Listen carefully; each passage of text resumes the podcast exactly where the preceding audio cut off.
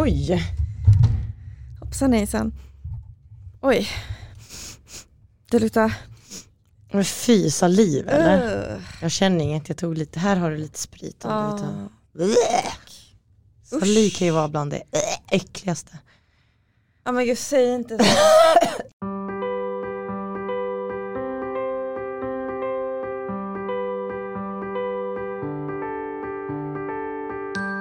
Hej det här är Hanna Hej, det här är Angelica och det här är våran podd som heter... Under livet. Jag hade sagt hej, Angelica. Jag har nästan börjat skratta här. Vi är ensamma i studion idag. Klockan är nio snart, alltså en riktigt lång dag hörni. Ja det är tisdag och eh, när ni hör, eller nu vet vi ju inte vilken dag ni hör det här, men det här avsnittet kommer ut om några timmar bara så jag hoppas att vi inte säger massa fel för då måste jag klippa det och det orkar jag inte. Nej, så att vi har verkligen jobbat över på våra ordinarie jobb. Sen kom vårt andra jobb som är podden. Så att idag är vi, ja, jag var på jobb åtta, vi kommer åka hem vid tio idag liksom. Ja. Ska vi berätta att vi faktiskt har fått ett, ett mail från en PR-person som eh, ville ha lite statistik och så där över våran podd för att hon hade någon kund som efterfrågade poddar att ja, vi vet ju inte så mycket kring det där. Men då gick vi in och kollade våran statistik för det är någonting som vi inte gör egentligen för att vi det spelar inte så stor roll för oss eh, om hur många lyssningar vi har för vi vet att vi har lyssnare och att vi är väldigt värdefulla faktiskt. Det känns jättefint att kunna säga det faktiskt. Men nu gjorde vi det och det var Mm. väldigt kul. Det var väldigt kul för att den siffran, herregud, jag hade ingen aning om att vi har så många lyssnare. Och det är mer än dubbelt så många från förra gången vi tittade. Så det är häftigt. Jag fick en chock när Hanna skickade idag. Jag var va? Wow, va? Är va? Ja, det är jättekul. Men man, då känner man sig också lite så här, oj vad har jag sagt? Ja, exakt. Måste gå tillbaka och lyssna på allting nu. Finns det något avsnitt Angelica som du känner, det här är jag jättestolt över, det här är mitt favoritavsnitt? Jag tror jag faktiskt har många, alltså jag är stolt över många gästavsnitt också. Men det jag är mest stolt över som var en utveckling för mig, det var mitt sorgavsnitt. Mm. Ja. Att våga gråta inför folk, det låter sjukt men det är ju inför folk eftersom att vi har lyssnare som lyssnar på det. ja, precis. Det är ett väldigt, väldigt starkt avsnitt och du, du gråter och du tar emot mitt stöd, vilket du eh, faktiskt brukar så här, du brukar bygga upp en mur runt dig. Mm. Handen åker upp, jag bygger inte upp en mur för jag är väldigt lätt för att prata om Ja, känslor. det har du. Eh, men jag vill gärna inte att folk tycker synd om men där kommer det gärna en hand att det är lugnt, gud jag sitter och gråter som fan men du behöver inte ta hand om mig, jag Men klarar du, har det här. ju, du är lite rädd för att förlora kontrollen. Det är ju det säkert, men därför var jag stolt för där förlorade jag kontrollen. Vad har du? Vad är ditt? Mm. Alltså det finns ju fler som jag nämnde men något du tänker på. Ja men det är ju det, det är så många. Det är jättemånga. Ehm, jag vet inte. Jag lyssnade faktiskt på ditt avsnitt, det här när du pratar om morfar. Förra veckan lyssnade jag på det. Jag vet inte om det är något konstigt och knäppt att lyssna på sin egen podd. Nej det är klart man måste, det är så vi utvecklas också faktiskt. Veta vad vi Ja. säger och shit här var jag väldigt stängd, varför var jag det? Det här vågar jag Mm. vara öppen om. Ja. Så det ska vi inte känna. Nej, nej det är sant.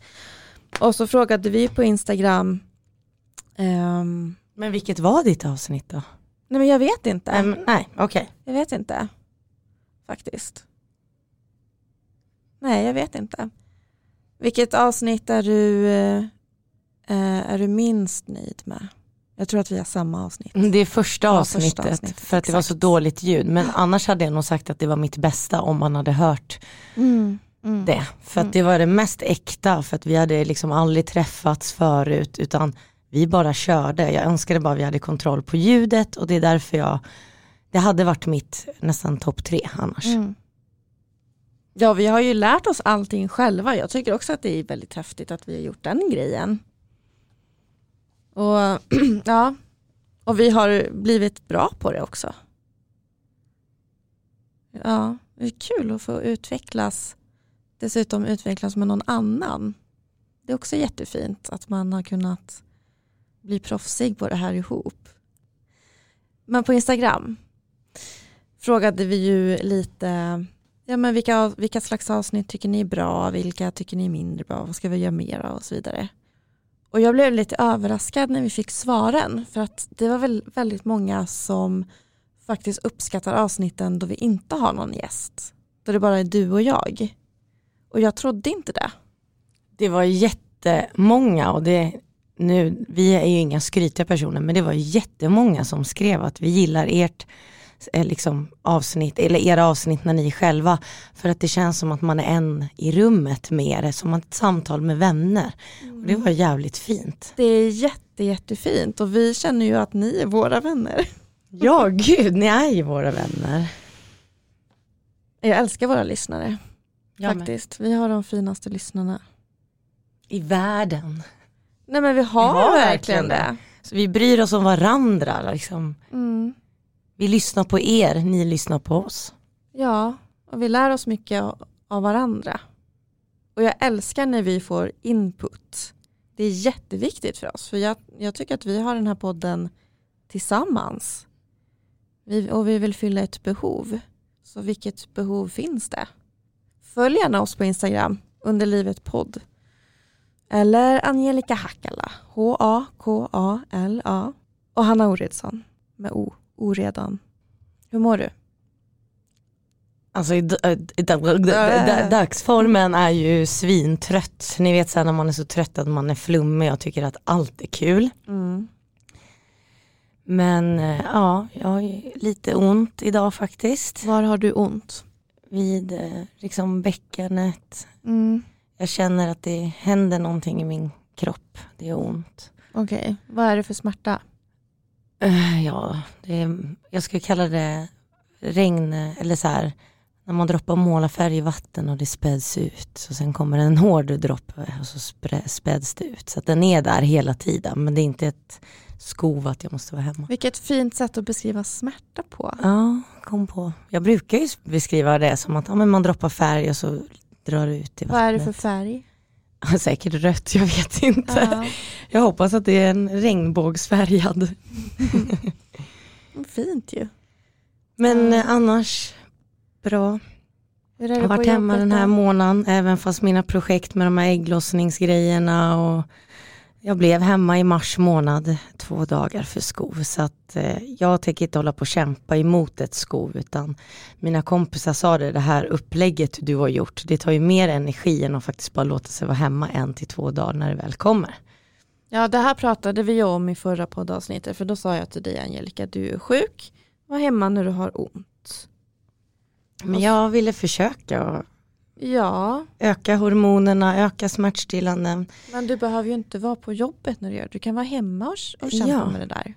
Men sen kom ju skovet ändå då blev det en sån käftsmäll för jag tänkte att jag hade vunnit det den här månaden men det hade jag inte. Och när skovet kom då, tog du Palexia och Synorm då? Ja och ingenting, kunde inte äta och när jag skulle gå på toa så låg jag och räknade en, Mm. till tio och jag orkade fortfarande inte gå på toa så då räknade jag till 20 och så fortsatte jag så här. Jag var helt slut. Ja, så här, när jag kommer till tio då går jag. Ja, men jag orkade inte. Så jag till och med somnade emellan där tror jag. Det är min coping att somna bara, sova bort smärtan om jag bara kan. Ja men det är ju det bästa som finns. Ja. Om man kan somna så är det jätte, jätteskönt. För man vill inte genomlida smärtan, man vill bara, det är ju lite som att bli sövd från problemet. Nej men så nu är jag ju, jag har ju mina skov alltid i början på månaden. Från den andra i första varje månad till mellan den andra och nionde. Det är då jag varit hemma. Det är samma datum jämt. Utan att ha planerat det. Utan det här fick jag utskrivet om mitt jobb nu när jag håller på med mitt särskilda högriskskydd igen. Och då blev jag rädd att det var samma datum. Skilde en eller två dagar. För de som inte vet vad särskilt högriskskydd är, vill du förklara det lite fort? För det är ju ett jättebra tips. Ja, ansök, eh, be eran läkare skriva ut ett läkarintyg för särskilt högriskskydd. Skriv ut era sjukdagar via HR, be dem skriva ut. där du skriver varje sjukdag du har haft, varför du har varit hemma. Man redovisar för att slippa att det dras karens, utan då får du 80% redan första dagen. För har man mycket korttidsfrånvaro som endometrios innebär så blir det också mycket ekonomiskt och vi kunde läsa på min lapp här jag visade, såg du, du kanske inte såg summan, vi behöver inte säga det, men hur mycket pengar jag har förlorat på att vara hemma de här dagarna. Mm. Och vi pratar över 40 000. Mm. Det är jättemycket pengar. Mm. Så att Precis. därför ska man ansöka så man slipper den här 100-procentiga karensdagen. Mm. Det är jätteviktigt. Faktiskt. Vi ska inte behöva stå ut med det här och vi ska inte behöva förlora så mycket pengar på det som kvinnor, sjuka i en kvinnosjukdom. Tycker det är jätteviktigt att man Nej. faktiskt gör det. Och arbetsgivaren förlorar ju ingenting på det heller. Det är också viktigt att säga. Det ska man verkligen inte känna, men eh, där är det jätteviktigt att orka ta tag i det här, för det är mycket bråk med Försäkringskassan. Mm. Eh, Men man måste ha ett läkarintyg där det står att ja, men patienten har mer än 10 tillfällen per år. Är det så då att man måste uppvisa det här året först då? Ja, det Okej. som har varit. Mm. Så att har du bara tre, det var ju därför jag blev nekad förra året, för att Mm. vi hade permittering. Just det. Och då jobbade jag ju bara färre dagar, men jag var ju fortfarande sjuk, men då skulle jag fortfarande sjukanmält mig, vilket man inte gjorde som att jag var permitterad, så jag Ja, blev inte precis. godkänd. Så att det var ju en kamp, men nu har jag ju skrivit ut från 2021 fram till idag. Och det är också därför det är väldigt viktigt att sjukanmäla sig även om man har semester. Till exempel. Jätteviktigt, för det kollar de på. Mm. Det är sånt där man inte tänker på. Eller som man säger, nej men jag orkar inte. Jag är ändå bara ledig, jag är borta Ja, en dag. precis. Nej men det, den dagen på det skovet räknas in i det här. Ja. Och det kan ju vara så att det är en dag för lite som man faller på. Så man inte får det här. Och då får du inte det. Nej. Men om man känner så här, okej det här skulle jag vilja göra men jag har ingen aning om hur. Får man kontakta dig då Angelica? Ja, det får man för att jag har fan dragit det så långt förra gången där till familje, bla bla bla, rådet och allting vad man behövde. Mm, mm. Så jag har koll på vad man ska vända sig och vad man ska be om sin arbetsgivare. För det måste vara en underskrift och det missar många. Så att hör av er, absolut, på underlivet eller till mig Angelica på Instagram. Om ni vill ha råd. Bra, jättebra. Vi har ju också en mail också. Den kanske vi också kan dra. Underlivetpodd.gmail.com Dit kan man också höra av sig. Och vi vill alltid hjälpa till. Sen kanske inte vi är så snabba på att svara för att vi kanske själva kämpar med smärtor och annat. Ja men det var lite av mig, jag har haft besök från Göteborg den här helgen också så jag känner mig rik på vänskap. Och det Det gör mycket min- också psykiskt, man känner mer ork och har träffat vänner som har fått en att må bra. Så att, ja, Ja. det är jag. Hur mår du? Mm. Nej, men jag, jag har precis haft mens. Alltså förut så hade jag mens, alltså förut och då menar jag innan jag började på alla hormonbehandlingar, så det här är ju tio år sedan. Då hade jag mens i åtta, nio dagar. Mycket mens. I så många dagar. Och jag hade ju också jätte, jätte, jätte, jätte ont varje dag. Nu, när min mens har kommit tillbaka igen efter att jag slutade med kemisk klimakteriumbehandlingen eh, i november 2020, så har jag mens i två dagar bara. Det är helt sjukt. Det är väl skönt? Det är jätteskönt men jag trodde inte att det var möjligt. För nu är det så att jag har faktiskt börjat på ny hormonbehandling efter att jag pratade med min fantastiska läkare, endometriosdoktorn på Instagram, Anna-Sofia Melin. Vi kom fram till att jag ska börja med en tablett som heter Slinda som är ganska så snäll. Tanken framåt nu är att efter den här första månaden så kanske jag sen kan börja trappa ner på Palexia. En tablett per vecka. Så vi får verkligen hoppas nu. Är det ditt mål när jag kommer överens om en tablett per vecka? Ja, precis. Men, och om jag har ont så kommer jag ju ta smärtstillande för jag tolererar inte att ha ont för då kan inte jag jobba, jag kan inte ha ett liv. Så, och jag vill inte komma tillbaka till det för nu känner jag faktiskt att jag har väldigt mycket kontroll över mina smärtor för att jag har palexia. Men det är ju inte hållbart i längden egentligen med den höga dosen. Men vi får se hur det blir faktiskt. Um, mm. Och så ska den vara liksom snäll mot humöret och sådär. Så jag uppdaterar om en månad typ. Så du har börjat äta den nu eller? Mm, mm. Precis. I, ja. Jag behöver inte säga vilken dag, för fan vad ointressant för er. Fan vad intressant, jag vill gärna veta, berätta, snälla gud.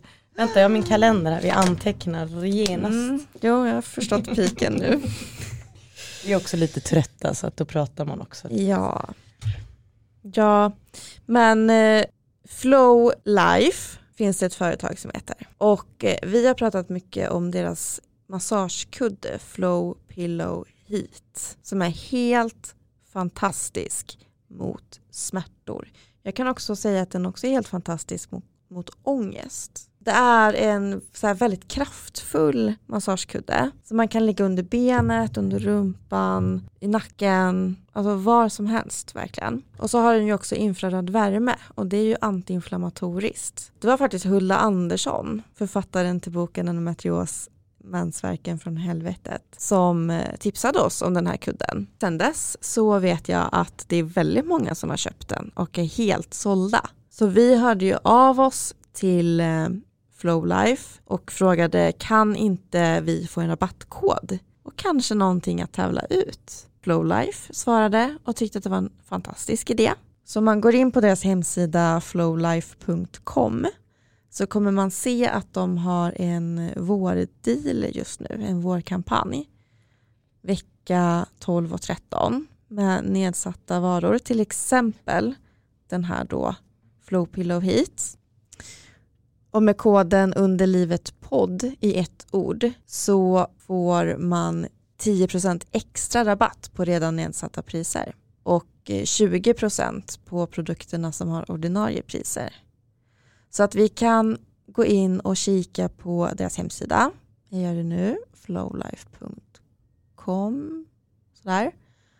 Och så där har vi kudden.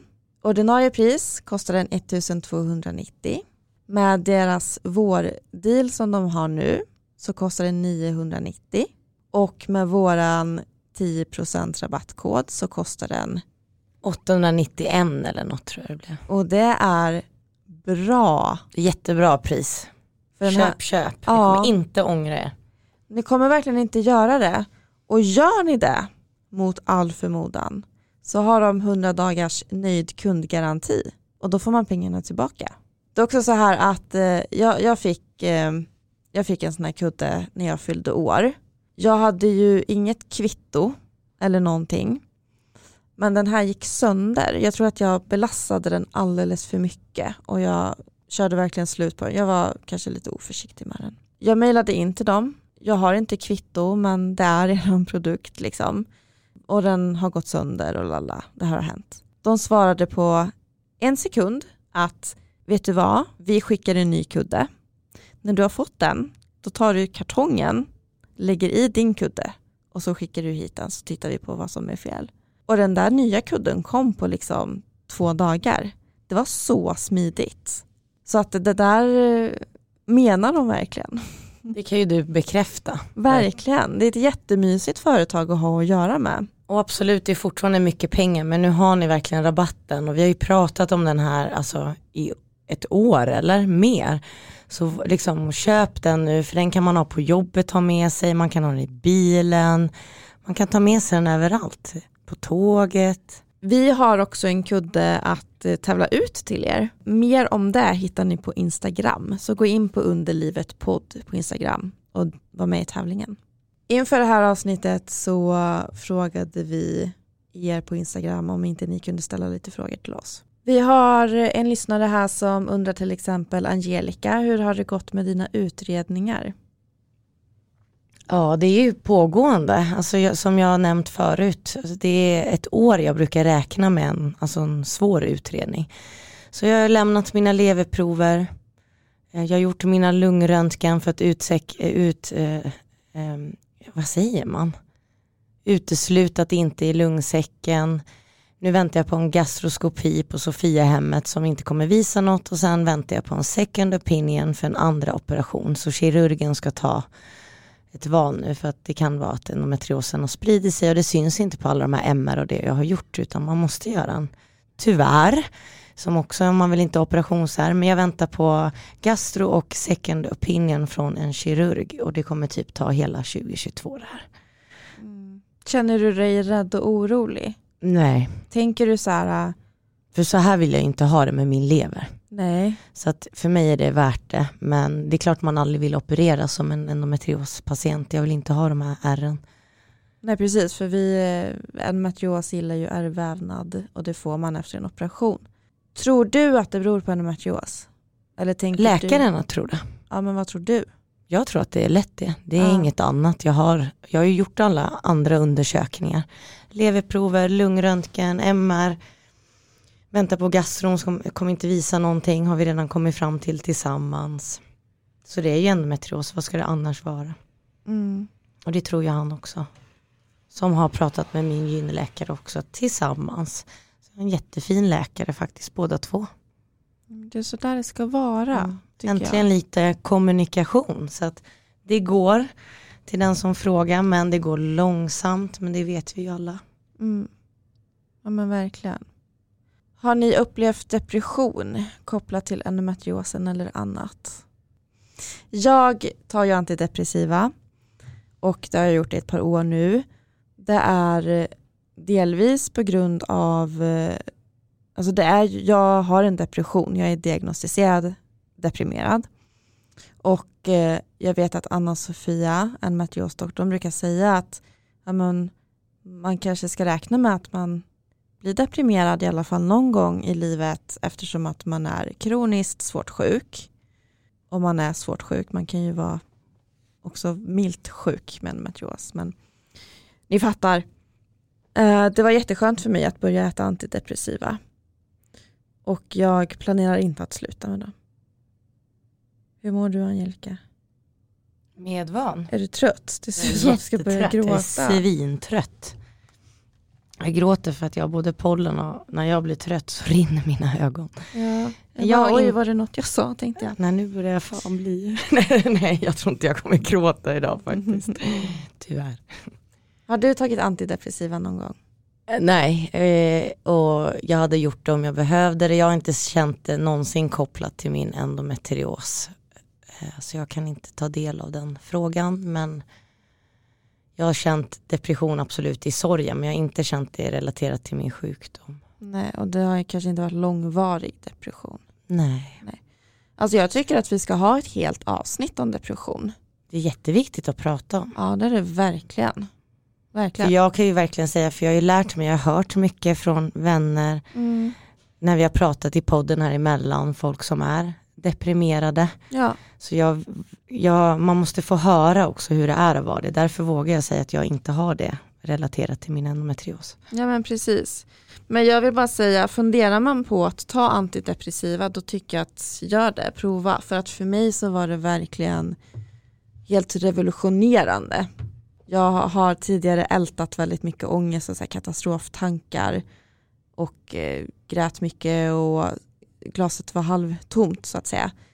Och nu kan jag se saker och ting på ett annat sätt och jag lägger inte så mycket tid på det här med att älta ångest och så, vilket är jätteskönt. Det är bara det tar ju energi, så vad skönt att slippa det. Det är jätteskönt. Jätte, jätteskönt är det. då tar jag en fråga. Hur går det för Hanna på jobbet? Hur trivs du som lärare? Kram.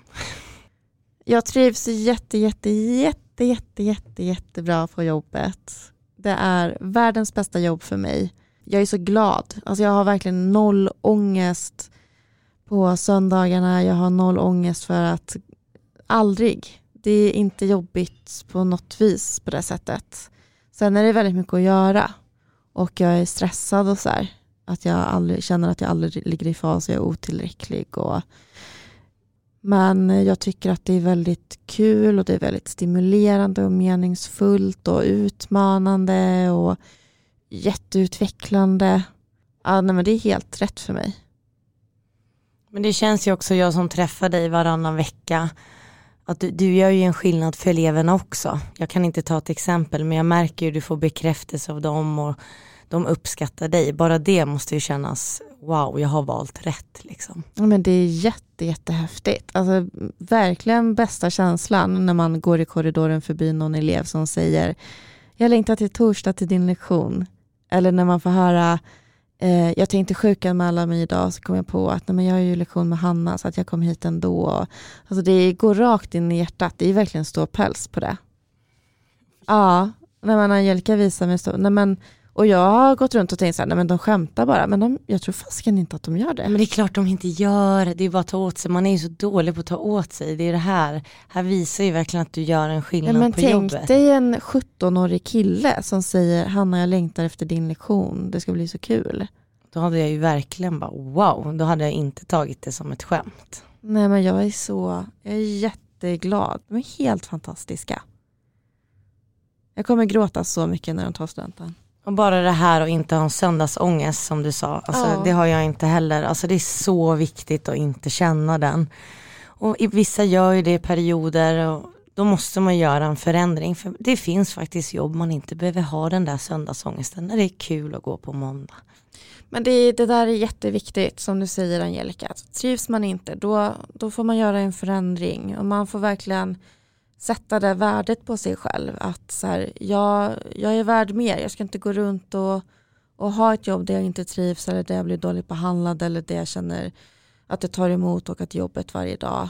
Uh, det är jätteviktigt då. Var, in, var inte på ett sånt ställe. Unna dig och, och var, ha ett jobb där du trivs. Och eh, lite så är det ju att har man bara en bra arbetsgivare och bra kollegor så kan man göra typ vilka arbetsuppgifter som helst egentligen. Faktiskt, det kan man komma långt med. Det var precis det jag skulle säga, alltså jag bara lutade mig bak. Alltså så bra sagt, för att det är bara att göra den förändringen, även om det är jobbigt, för du är värd mer. Mm. Ja, verkligen så. Okej, favoritserier. Har du någon favoritserie? Alltså jag är den som alltid har tittat mycket film och serier. Jag gillar Eagles, har jag kollat nu en tonårsserie på SVT Play. Ja, jag vet. Eh, jag gillar Inventing Anna, Netflix. Ja, just det. Eh, jag tittar på mycket mordserier. Eh, sen vet jag inte om Beck är det, men alla senaste Beck kollar jag. Jag gillar också Love is blind. Så jäkla bra. Alla tjatar om Love is blind säsong två. Så jäkla bra. Alltså så säger jag wow, så känner jag. Är det så? så säger alla ni, som jag sagt det till också. Kan säger, inte du berätta, eh, vad är eh, kärnan i den här serien? Folk är där för att Pitcha. dejta. Ja, de är där för att dejta men de kommer inte se varandra utan de får träffas liksom i olika rum och de har mikrofon. Och så ställer man frågor och sen när man har hittat sin match då så går killen eller tjejen ner och friar. Så första gången de träffar varandra det är liksom efter den har friat och sen ska de gifta sig inom fyra veckor. Just det, så steg ett är att de får skapa ett band bara genom att prata med varandra. De har ingen aning om hur, hur varandra Utseende, ser ut. ingenting, utan man går på personligheten och ja. humorn och allt. Och så tar det ett par dagar, det här är inte en träff utan det är, de bor där, det är flera dagar. Och sen så ser de varandra och då så får de bestämma antingen. Nej, då ser de varandra, då kommer ju första intrycket det här ytliga. Men de har ju fortfarande gått med på att gifta sig med varandra så då åker de på smekmånad. Okej, de måste fullfölja det? Ja. Okej, mm. jag trodde att de eh, friar då när de ser varandra och så kommer den andra säga ja eller nej. Men de ja, den säger ja nej. Jag vill. När men... de ser varandra? Nej, innan de ser varandra innan de ser varandra. Okay. Sen får de träffas bara en jättekortis och sen ska de flytta ihop och bo med varandra i fyra veckor. Och sen kommer giftermålet. Och då ska de säga ja eller nej. Forever. Liksom. Varför är den här serien så bra? För att det är sådana bra karaktärer med i år. Alltså det är helt sjukt. Alltså jag skickar med min kompis Love, jag skickar klipp när vi bara håller för och bara kan inte titta. Alltså det är helt sjukt. Ni måste se det, säsong två. Och den finns på Netflix. Ja. Måste man se säsong ett för att kunna se Nej, säsong nej, två? nej, absolut. Hoppa in i tvåan direkt bara. In i tvåan. Eh, det, har, det var enda och si, första och sista gången ni hörde mig säga det. och vad kollar du? Men jag kollar mycket krim och kärlek.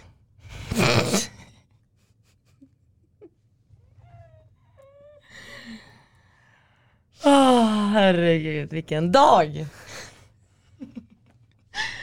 Åh gud.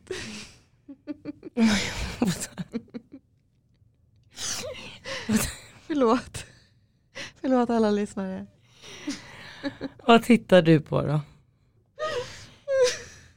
Klockan är 21.12. Jag tittar på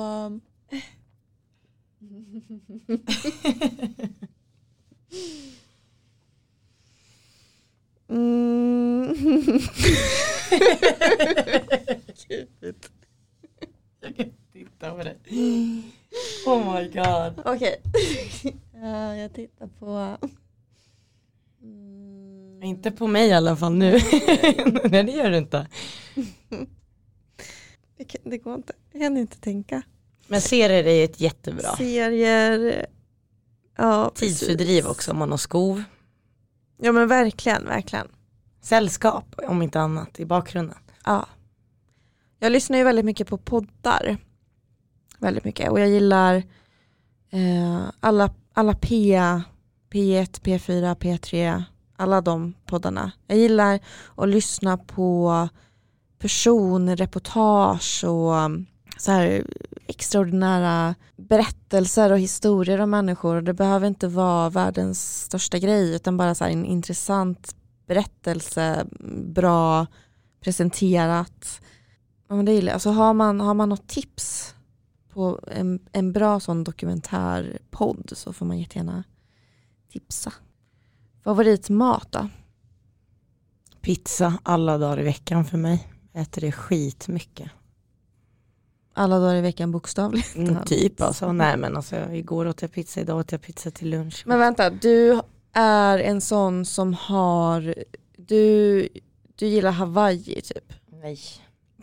Räkor och det kan vara blancopizza, kebabpizza, musslor, mycket skaldjur, persilja, vitlök. Mm.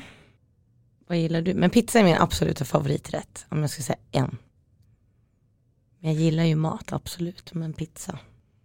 Mm. Jag gillar att äta eh, pasta.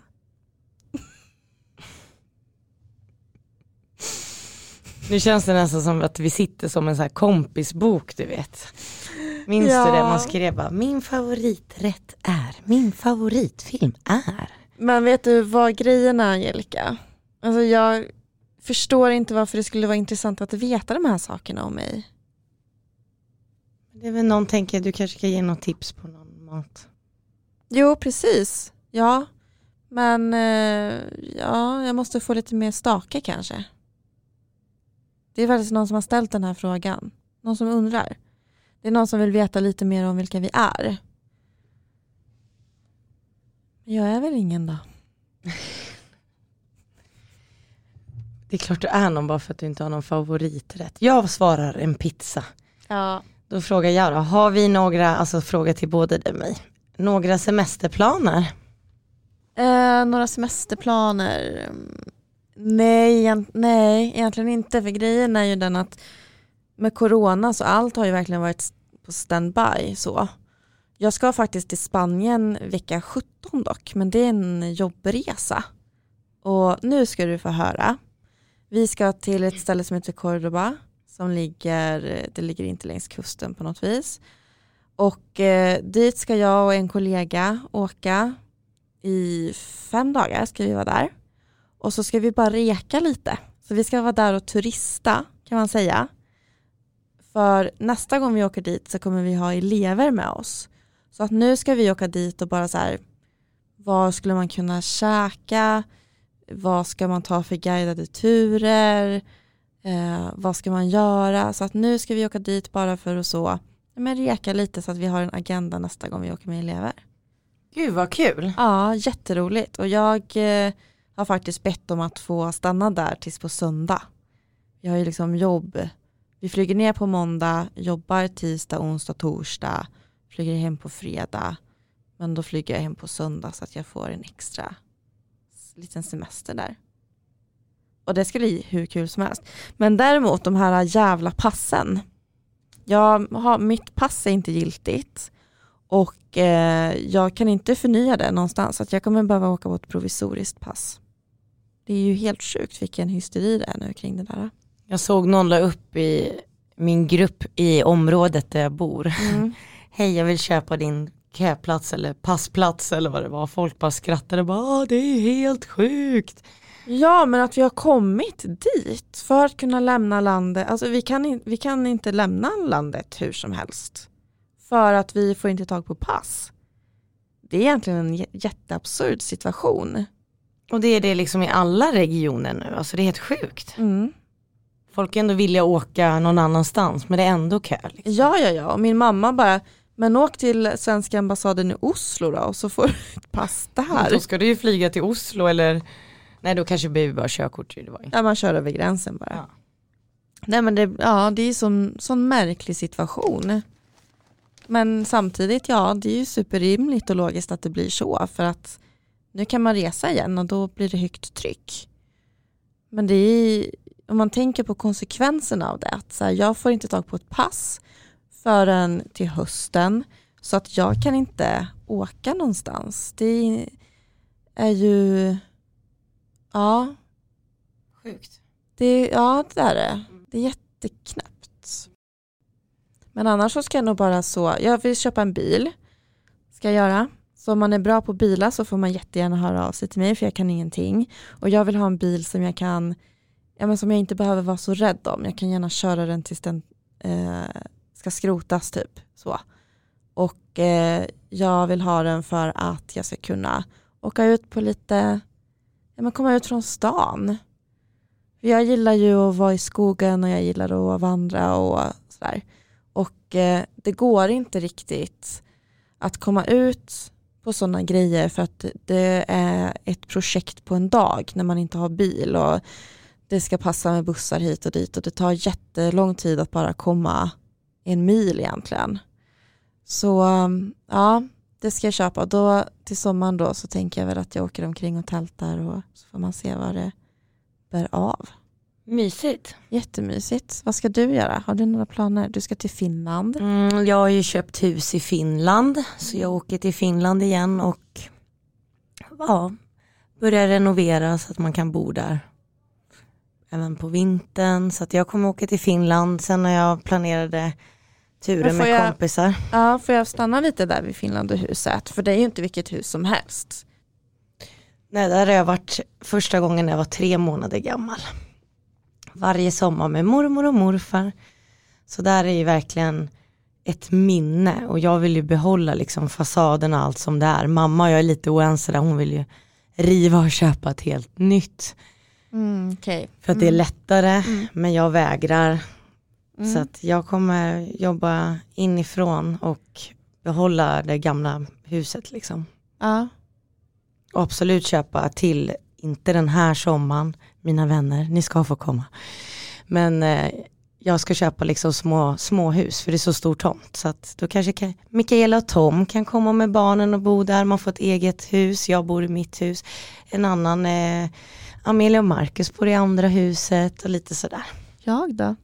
Hanna kan komma men du kan bo i storhuset om Ja. du inte vill bo i ett litet eget. Men, Men jag ska köpa du- småhus liksom. Men kan du inte göra så att, att alla vi får komma och så hjälper vi till och liksom bygga och göra i ordning? Och det är redan så... planerat faktiskt med mina vänner. Att Ja, Sofia kul. gör kakel, Sandra gör blommor, Amelia målar, Ja. eh, Marcus hjälper till med fasaden. Så det där är ju liksom redan planerat. Men nu när vi åker ner så ska vi göra oss av med grejer. Det är liksom det är byggt 1912. Hur länge har det stått tomt? Bara fem år, annars har ju morfar varit där.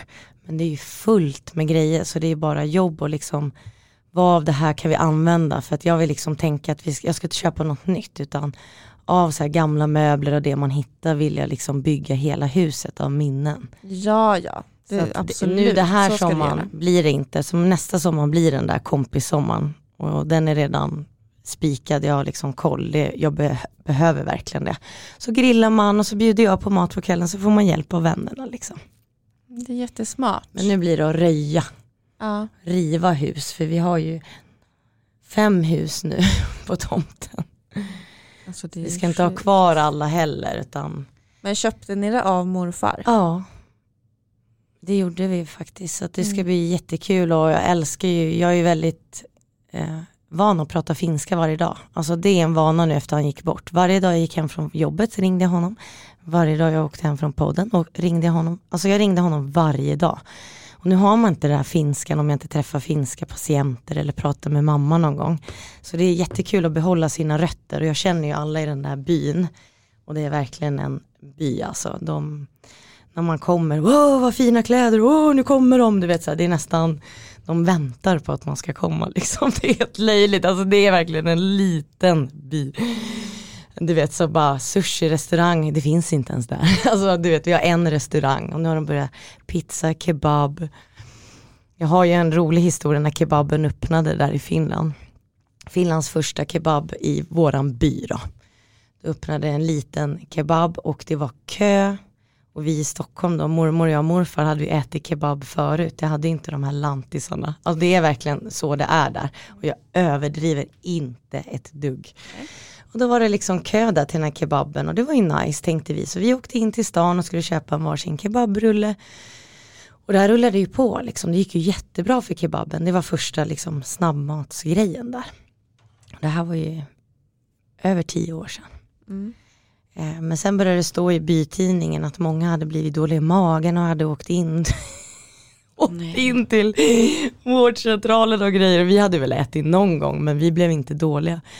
Men det visade sig att den här kebaberian då inte hade någon aning om hur stort det här skulle bli med kebab i den här byn. Att äh, det här kommer säkert inte gå vägen. Så de hade ingen kött, liksom kunde inte få in kött. Så de började servera hundmat i kebab med kryddor och ja men det är helt sant. Och bara nej men de är väl så jävla dumma bondar att de inte du känner skillnad. Så alla blev fett sjuka. Ja, oh, fy. så jävla sjuka blev många liksom. Så att eh, det känns ändå kul och påminnas av var man kommer ifrån faktiskt. Och det är verkligen landet. Men kan du inte säga det där igen fast på finska? För att jag tycker om att höra dig prata finska. Om kebaben? Ja men dra, dra halva storyn då. Joo, että Suomessa ei ollut ikinä ollut kebabbi. Ja sitten tuli, oliko se kymmenen vuotta sitten tai vähän enemmän, niin tuli yksi semmoinen restoranki, niin aukasi kebaberia, jag tror den hette kebaberia. Eh, niin se meni niin hyvin, että ne ei, ole, ne ei ollut niin ajatellut, että näin paljon ihmisiä tulee tänne syömään. Eh, että niillä ei ollut niin paljon lihaa, että niiden oli pakko sitten lopussa panna koira- ja kissaruokaa sinne ja sekoittaa vähän pippuria ja valkosipulisoosia ja semmoista. Mutta ihmiset tuli niin kipiäksi, kun ne, ne oli syönyt koiran ruokaa ja kissan ruokaa. Ja, jag drog det på finska. Gud, jag tycker det är så jävla härligt att höra dig prata finska, Angelica. Pippori, peppar, valkosipuli, ja. vitlök. Kan du skriva på finska också? Stava. Läsa och prata men inte skriva, det Nej. är så himla svårt. Men jag skulle klara mig, jag gör det, men det är inget som kommer av sig själv. Nej, och då skriver du som det låter. Ja. Mm. Det. Och det är aldrig så. det, nej, är aldrig, nej, det är liksom precis. aldrig så. Mm. Nej exakt, det stämmer ju inte. Men man kan ofta lista ut vad mm. personen försöker. Exakt, exakt. Nej, mm. Så sommar i Finland, roadtrips med vänner, guddottern Karro, absolut vi ska göra något. Så att, lite som Hanna säger, man har ju liksom planer men de är ju lösa på grund av det som har varit. Mm. Vi har fått en fråga om eh, tjatsex och killar som ej kan ta nej. Eh, vad är våran erfarenhet av det? Alltså jag tänker bara att jag skulle vilja säga att Alltså jag tycker att det är väldigt svårdefinierat vad som är tjat. Vad är tjat för dig? Vad Det är det, ett nej är ett nej men ändå fortsätta. Man säger att man är på en dejt eller vad man nu har, det behöver inte vara en dejt men jag pratar ur mitt perspektiv. Ja. Och man har gjort klart för att nej men jag har bara en trevlig dejt nu men jag vill inte ha sex. Mm. Och det vet man inte förrän det kommer ett första närmande och då får man ju säga då att nej men jag vill inte. Och sen kanske kvällen fortgår och man har jättetrevligt och kanske alkohol inblandat och så kommer det igen även fast man redan har sagt nej. Det tycker jag är ett tjat. Mm. Och det är ju tyvärr väldigt Ja, vanligt. Det är ju väldigt tydligt. vanligt Ja, också. ja, det är det ju. Tyvärr. Och jag tycker inte alls om det utan stå för ditt nej. Nej, nej, nej. Jag och Hanna verkligen pratade lite om det här innan att man behöver kanske inte vara lika tydlig som jag så att man ibland sårar. Men om det är det det krävs så fan gör det. Nej, ja, ett nej. För det, ja, för det är den personen som har satt sig i det själv. Och den personen får fan skämmas då. Det är också någonting som vi borde prata om i ett eget avsnitt. Vi pratade lite om samtycke och så med socionomerna för ett år sedan. Men vi behöver verkligen prata om sexuella övergrepp och våldtäkt och vi behöver ta tag i det ämnet också. Det kan bara vara, jag har ju dejtat mycket och typ, jag behöver inte gå in på det här för det här var faktiskt lite ett trauma för mig, de som vet om det här. Jag du måste hem en, inte säga någonting alls. Nej men bara vad som kan vara tjat, det behöver inte ens vara tjatsex utan det här med nej och nej när man känner sig kvävd att gud vad förväntar han sig om mig? Också Berätta att, bara det som du känner är okej. Ja ja absolut och det här är inget jag mår dåligt av nu men jag vill inte gå in på det för att det, det är så långt och vi vill prata annat också. Men jag tycker det är viktigt att ta den här att det inte bara tjatsex utan även ett bara för att man ses sent på en kväll så betyder det inte att man ska ha sex. Och då bjöd jag hem en kille förra sommaren. Nej, förrförra kanske det blir. Och eh, när han kom så kände jag direkt, nej det här är ingen match. Men okej, nu har han ändå kommit hit, så att vadå, vi har det trevligt. Och sen sa jag bara, nej men nu är jag trött, nu måste du gå. Och han vägrade gå. Alltså det var verkligen helt sjukt. Alltså han fattade ju verkligen inte piken. Sen var ju han ju jättefull och det var jävligt bra att jag inte var det den kvällen. Så jag hörde av mig till mina kompisar bara, hörni jag har dragit hem en jävla idiot. Alltså jag är fan rädd. Det är enda gången jag har varit det på riktigt verkligen. Nej, han bara, jag ska duscha, jag bara okej, du vet man blir helt kränkt i sitt eget hem. Jag gav han en handduk, han kom ut, la sig naken i min säng. Man bara, hallå, sätt det här, du som gillar att prata så mycket, du kan prata här. Så klappade han på min säng, bara, nej jag sitter här påklädd på min soffa och väntar på att du ska åka.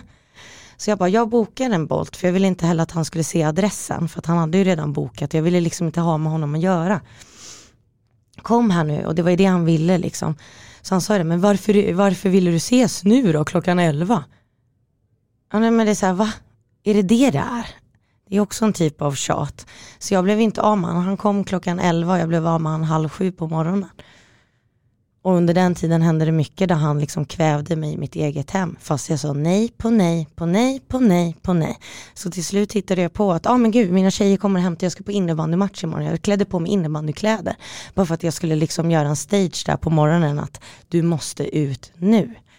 Men han fattade inte så jag bokade en Bolt där redan tidigt eh, när han kom. Och den bara plipp plipp åkte iväg för han hann inte ut. Nej men du vet, stod kvar i hallen hade duschat hos mig, kommer ut och jag har ett parkettgolv, bara för detalj, en blöt handduk, bara slänger han på golvet, bara liksom behandlar mig, vad är det här? Bor du på hotell? Bara kommer hit och tror att du ska ligga med mig, duscha, slänger din blöta handduk på golvet, alltså vad, ett nej, ett nej. Och då sa han bara, men du som gillar att prata så mycket, kom och lägg det här istället. Och det var ett helvete att bli av med honom. Det här är också tjat. Och det var ju inte tjat sex, sex, men det var det det handlade om. Bara ett nej, liksom, att lämna mitt hem. Ja, men jag tycker att det här låter jätteotäckt. Det är jätteotäckt, så gör gärna inte, I ens eget hem också. mm, för då blir man väldigt utsatt. Och det är så lätt när man pratade med tjejerna och berättade om det här, mamma vet om det här, att men gud när du så öppnade han och öppnade dörren, liksom, då borde du bara puttat ut han. Ja, det är jättelätt sagt, men det gör man ju inte. Alltså man gjorde, jag gjorde inte det då. Nej, och sen så hade du också kunnat göra exakt vad som helst och allting och det hade ändå varit hans ansvar. Och du eh, kanske inte gör någonting alls och det är hans ansvar. Det ligger på honom, inte på dig. Så det här med att ja men jag skulle gjort så och jag var dum som gick hem istället för att ta, alltså ja man kan tänka sig hur långt och mycket som helst men det är inte det som var orsaken till varför det hände. Nej. Sen kände man ju, det här jag menar ett nej, så här, då har man ändå eh, har bjudit in honom och ändå vill föra en konversation. Allting jag sa verkade ju väldigt ointressant också. Det märkte man ju väldigt tydligt. Så jag fattade ju varför han var där. Så det här tjatet var ju bara, men varför, inte, varför bjöd du hem mig då? Mamma bara, va? Det är du som har skrivit till mig hela kvällen. Och det kan ju också vara så att man skriver med varandra och det känns jättebra och sen så träffas man och känner att men gud det här är inte en person som jag vill vara med ens en minut till. Även om man har haft det jättetrevligt när man har skrivit med varandra. Och då ska det också vara okej okay att säga nej men jag vill, nej jag vill att du ska gå, det här blev inte bra. Och så ska det inte vara något mer med det. Det ska bara vara enkelt. Ett nej är ett nej. Gå från mitt hem. Jag vill inte ha sex. Jag vill inte krama dig. Jag är på dejt. Jag vill inte kyssa dig. Mm. Jag har också varit med om en sån där situation också i hemmet liksom. Och det var ju helt fruktansvärt. Det kändes som att allt bara blev, ja men det är verkligen den här faktorn att ja, men man är i sitt eget hem. Och så känner man sig så jävla dum efteråt. Men, så, men det ska man inte göra. Man ska inte göra det och hemmet är ens trygga plats. Och det är där det blir en konflikt när man bjuder hem någon som inte kan ta ett nej. Liksom. Ja, precis. För där ska du få göra precis vad du vill. Ja. Har du bjudit hem personer där det har varit jättebra och jättegött? Ja, ja, det här är faktiskt bara en. Jag, jag ska mm. säga att jag har haft väldigt tur. När jag bodde i Borås så dejtade jag mycket folk från Göteborg. Och det är ju en bit att åka, speciellt om man hade hund och så som jag hade. Och var ensamstående med hund. Så till slut insåg jag bara, men gud, varje helg sitter jag och åker till Göteborg och går på en bar eller biljard eller promenad. Så jag började ju liksom säga att, ja men om du vill ses alltså till olika, då får ni komma till Borås. Mm. Och då blir det ju att man bjuder in dem till sitt hem, kanske innan man går och äter eller efter eller någonting. Och jag har haft jävligt tur, det här hände i Stockholm faktiskt. Så att, ja man vet aldrig vem som kommer in genom dörren, så absolut. Men de jag har bjudit hem har man känt den här kemin och det har faktiskt stämt. Men man vet ju aldrig. Nej, och jag tycker det på något vis är också ganska fint att så här, fortsätta vara modig. Det är inte vi som ska ändra våra beteenden. Bara vara lite extra försiktig då. och det lär man sig efter en sån här händelse, både du och jag. Man lär sig, man har ett annat ja. tänk när någon kommer hem. Liksom. Ja men precis. Men alla har nog säkert varit med om något och det är hemskt att tjata. Nej, det finns inget. Ingen ska tjata på dig. Inte ens men det är kompis. precis det du säger, att alla har vi varit med om någonting. Och det är så sjukt. Kommer du ihåg när metoo började? Och då skrev man ju historier på Instagram och på Facebook och så här. Och det var verkligen alla. Alla beskrev någonting. I ett kompisgäng på arbetsplatsen, det var hur mycket som helst. Och man är ju, alltså, alltså det, det är sådana små subtila saker också hela tiden. Det kan bara vara en kommentar. Som är way över gränsen. Och som får en att må jättedåligt. Och, ja, det här måste vi verkligen prata om. Men det, det ska vi ha ett avsnitt. avsnitt. Ja, verkligen. verkligen. Mm. På tal om det då, nästa fråga. Ja. Hanna och Angelica, hur går det med dejtandet? du, har ju, du har ju haft en paus ett tag Angelica. Ja, ett år. Ja. Fram till i februari, då var jag på min första dejt igen. Så att jag är där, jag tycker inte Tinder är kul, jag tycker mer på första, alltså tycker det är kul att träffa på första mötet. Så här. Eller att jag går fram till någon och det har jag vågat göra i sommar. Men sen har det ju kanske visat att nej men gud, fan vad fint, men jag har flickvän typ. Men jag har ändå gjort det.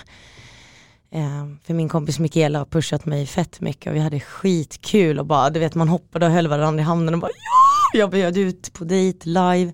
Det är lite mer ja, men jag har haft en dejt nu eh, första på ett år och det var ingenting jag gick vidare med. Men jag hade en dejt och det var, det var vad det var. Ja, men vad mysigt. Så jag, jag dejtar skulle jag säga, bara att jag inte är aktiv i apparna. Jag är öppen för förslag och blind dates om inte annat. Jag vågar, ge mig. Aha, är det här en liten kontaktannons? Ja det kan vara, kompisars kompisar är ju alltid en bra merit liksom. Eller lyssnares, ly, lyssnares lyssnare, lyssnarens, eh, poddarens lyssnare. jag vet inte. Skulle du kunna dejta en lyssnare? Kan vi inte ha en blind date i studion? jag, jag vet inte fan, jag tror, Får jag bjuda in någon, en blind date här och så poddar vi? ja gör det då. Gör det, kör. Så går jag och tar ett glas med han efter podden. Åh gud vad roligt! Ja men kör. Okej men då ni som lyssnar, då får ni komma med era kandidater och så väljer jag ut någon som jag tror passar Angelica och så kör vi en dejt i podden. Gör det, för jag kommer ju inte med i Gift vid första ögonkastet som släpps nu i april. Den här säsongen som kommer nu Du har inte jag till- berättat om det. Kanske jag inte har. Ska du göra det? Ah, jag sökte i alla fall. En kväll hos Sandra, vi hade druckit lite vin, kom det någon jävla avsnitt där om gift vid första ögonkastet. Så fastnade jag på det så bara, vill du vara med och medverka? Så sökte jag på kul. Sen hörde jag ju något tre veckor senare att jag gick vidare då. Så fick man fylla i jättelånga formulär om personlighetstest, vem man var i grupp, vem man ville dejta. Alltså, det, var, det var verkligen Alltså verkligen sådana djupa frågor. Det, jag, det var liksom, det gjorde ont ibland att svara på dem för man var ju tvungen att vara ärlig.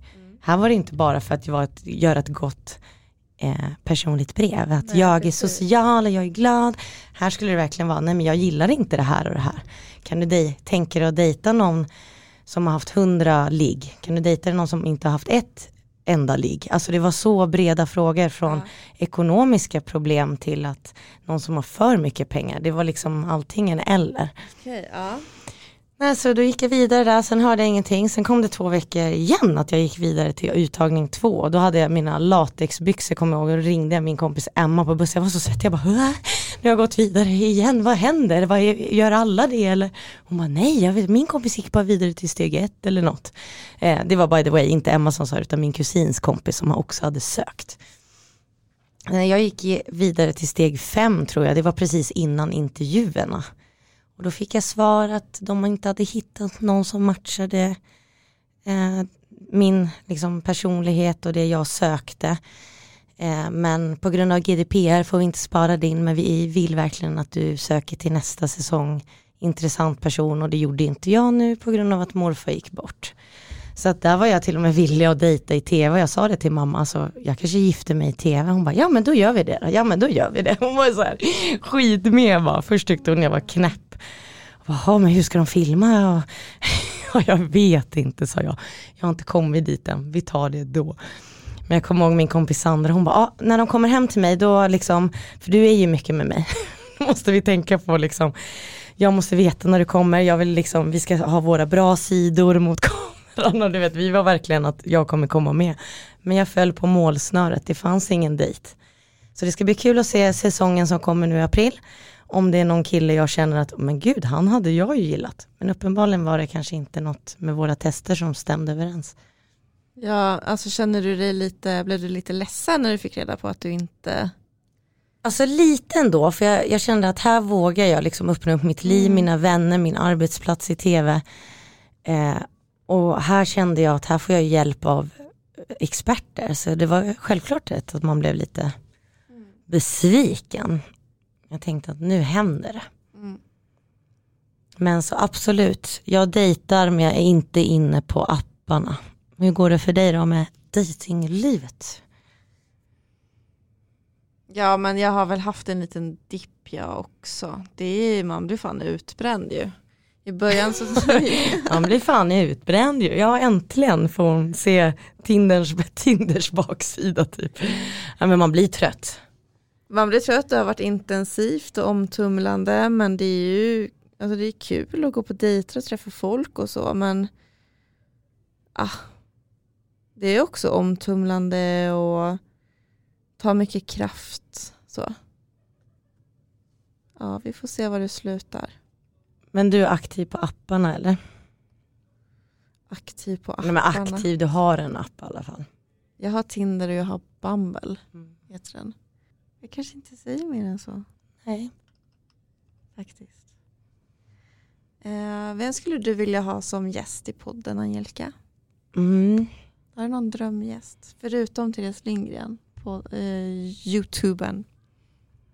Jag skulle vilja ha det vi pratade om med barn med klimakteriebarnmorskan.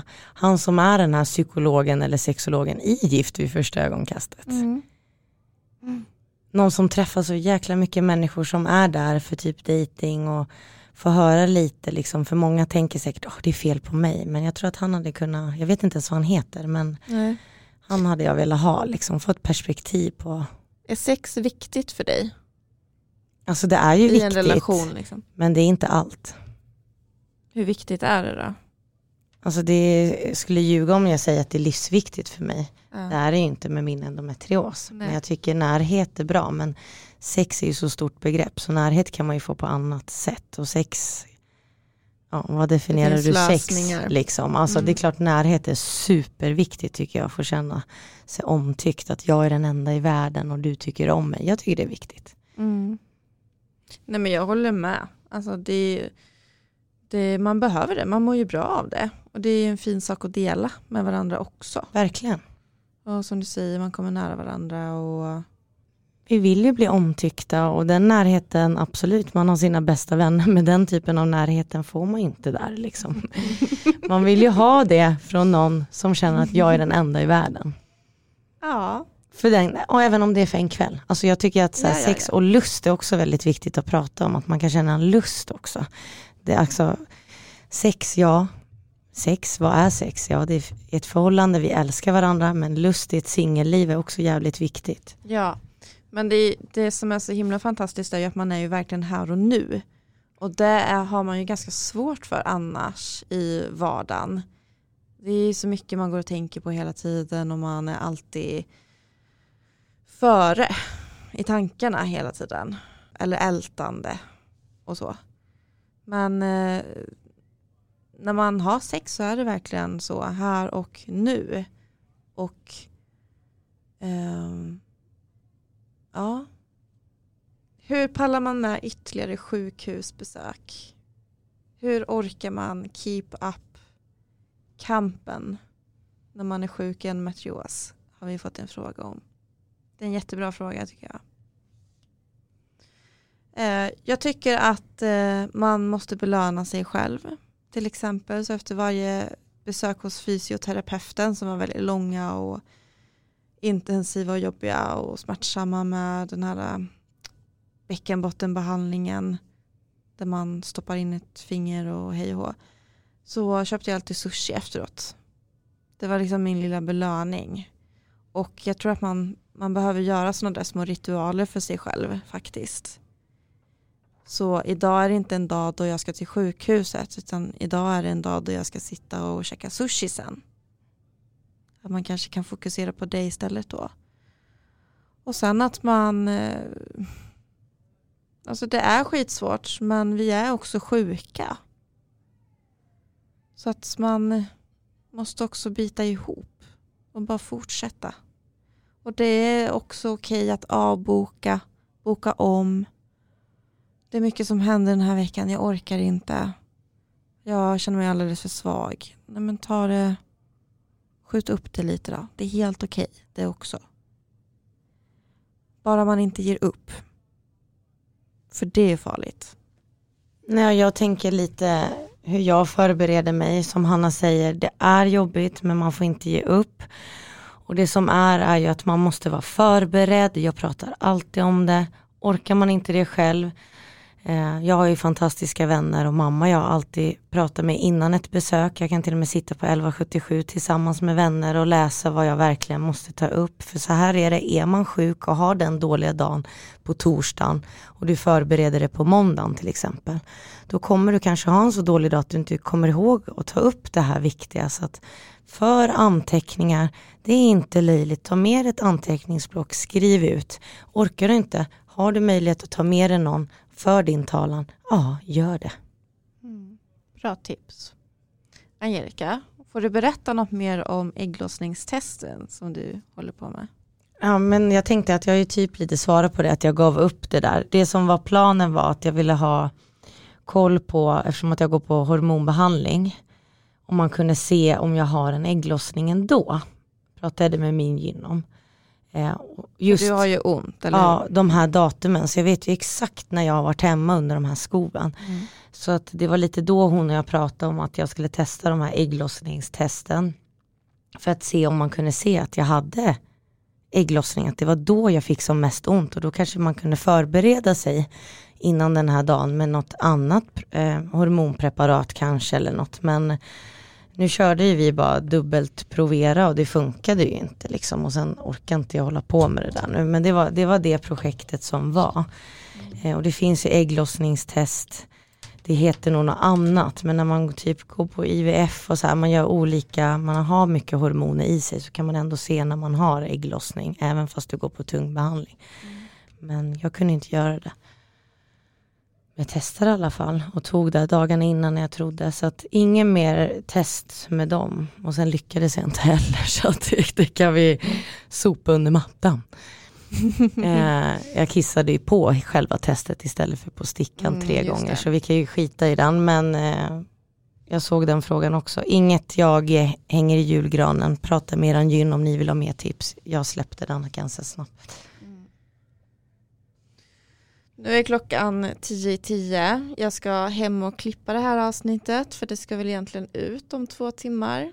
Vi får se om jag blir färdig eller om vi skjuter upp det. Ge mig en dag till kanske. Vi får se när det här kommer ut. Nästa gång ni hör oss så kommer vi nog ha en gäst med oss. Jag tycker ändå att det är lite jobbigt att så här, sitta och bara prata om mig själv. Inte ska väl jag? Mm, jag märker att du har lite svårt för det. Ja. Vissa frågor kan du liksom inte ens svara på. Det var lite extra idag. Mm. Faktiskt. Men det blir väl kanske djupt, men de vill ju höra om oss också, vilket är jättefint. Ja, verkligen. Så därför vill vi svara er så ärligt som möjligt. Men, mm ja, men som Hanna, här, man blir väldigt ställd av vissa frågor. Vad vill jag berätta? Har jag ens reflekterat kring det här själv? Liksom? Så kommer det här i podden, så det är inte konstigt heller, vi alla är olika. Men det ska ni ju veta att alltså, mycket som man säger i podden är ju att man tänker bara högt. Det sker ju väldigt mycket processer under samtalen i den här studion, i våran trygga livmoder som vi kallar den för. Och eh, nu har vi ju varit här så länge. Till i juni är det liksom två år. Och då kan man ju bara föreställa sig alla jäkla samtal som vi har haft här. Och det är ju inte samtal om vädret princip, i, liksom, utan det är ju det är ju jobbiga saker vi pratar om. Och det kan jag säga även när det bara hamnar jag eller när vi har gäster. Jag tror jag får höra det av gästerna också att när man går härifrån man är supertrött, man är så himla trött. Man är helt dränerad. Så det låter som att, ah, fett nice sitta och snacka 20 till 22 men det tar så jäkla mycket energi men det är så värt det. Men man känner mm. när vi kommer avsluta här nu att man bara att önska att man kunde ta te, telepor, te, vad heter, teleportera sig till sängen direkt. Så ja, trött ja. är man liksom. Det är ett hotell vi kan hyra ett rum.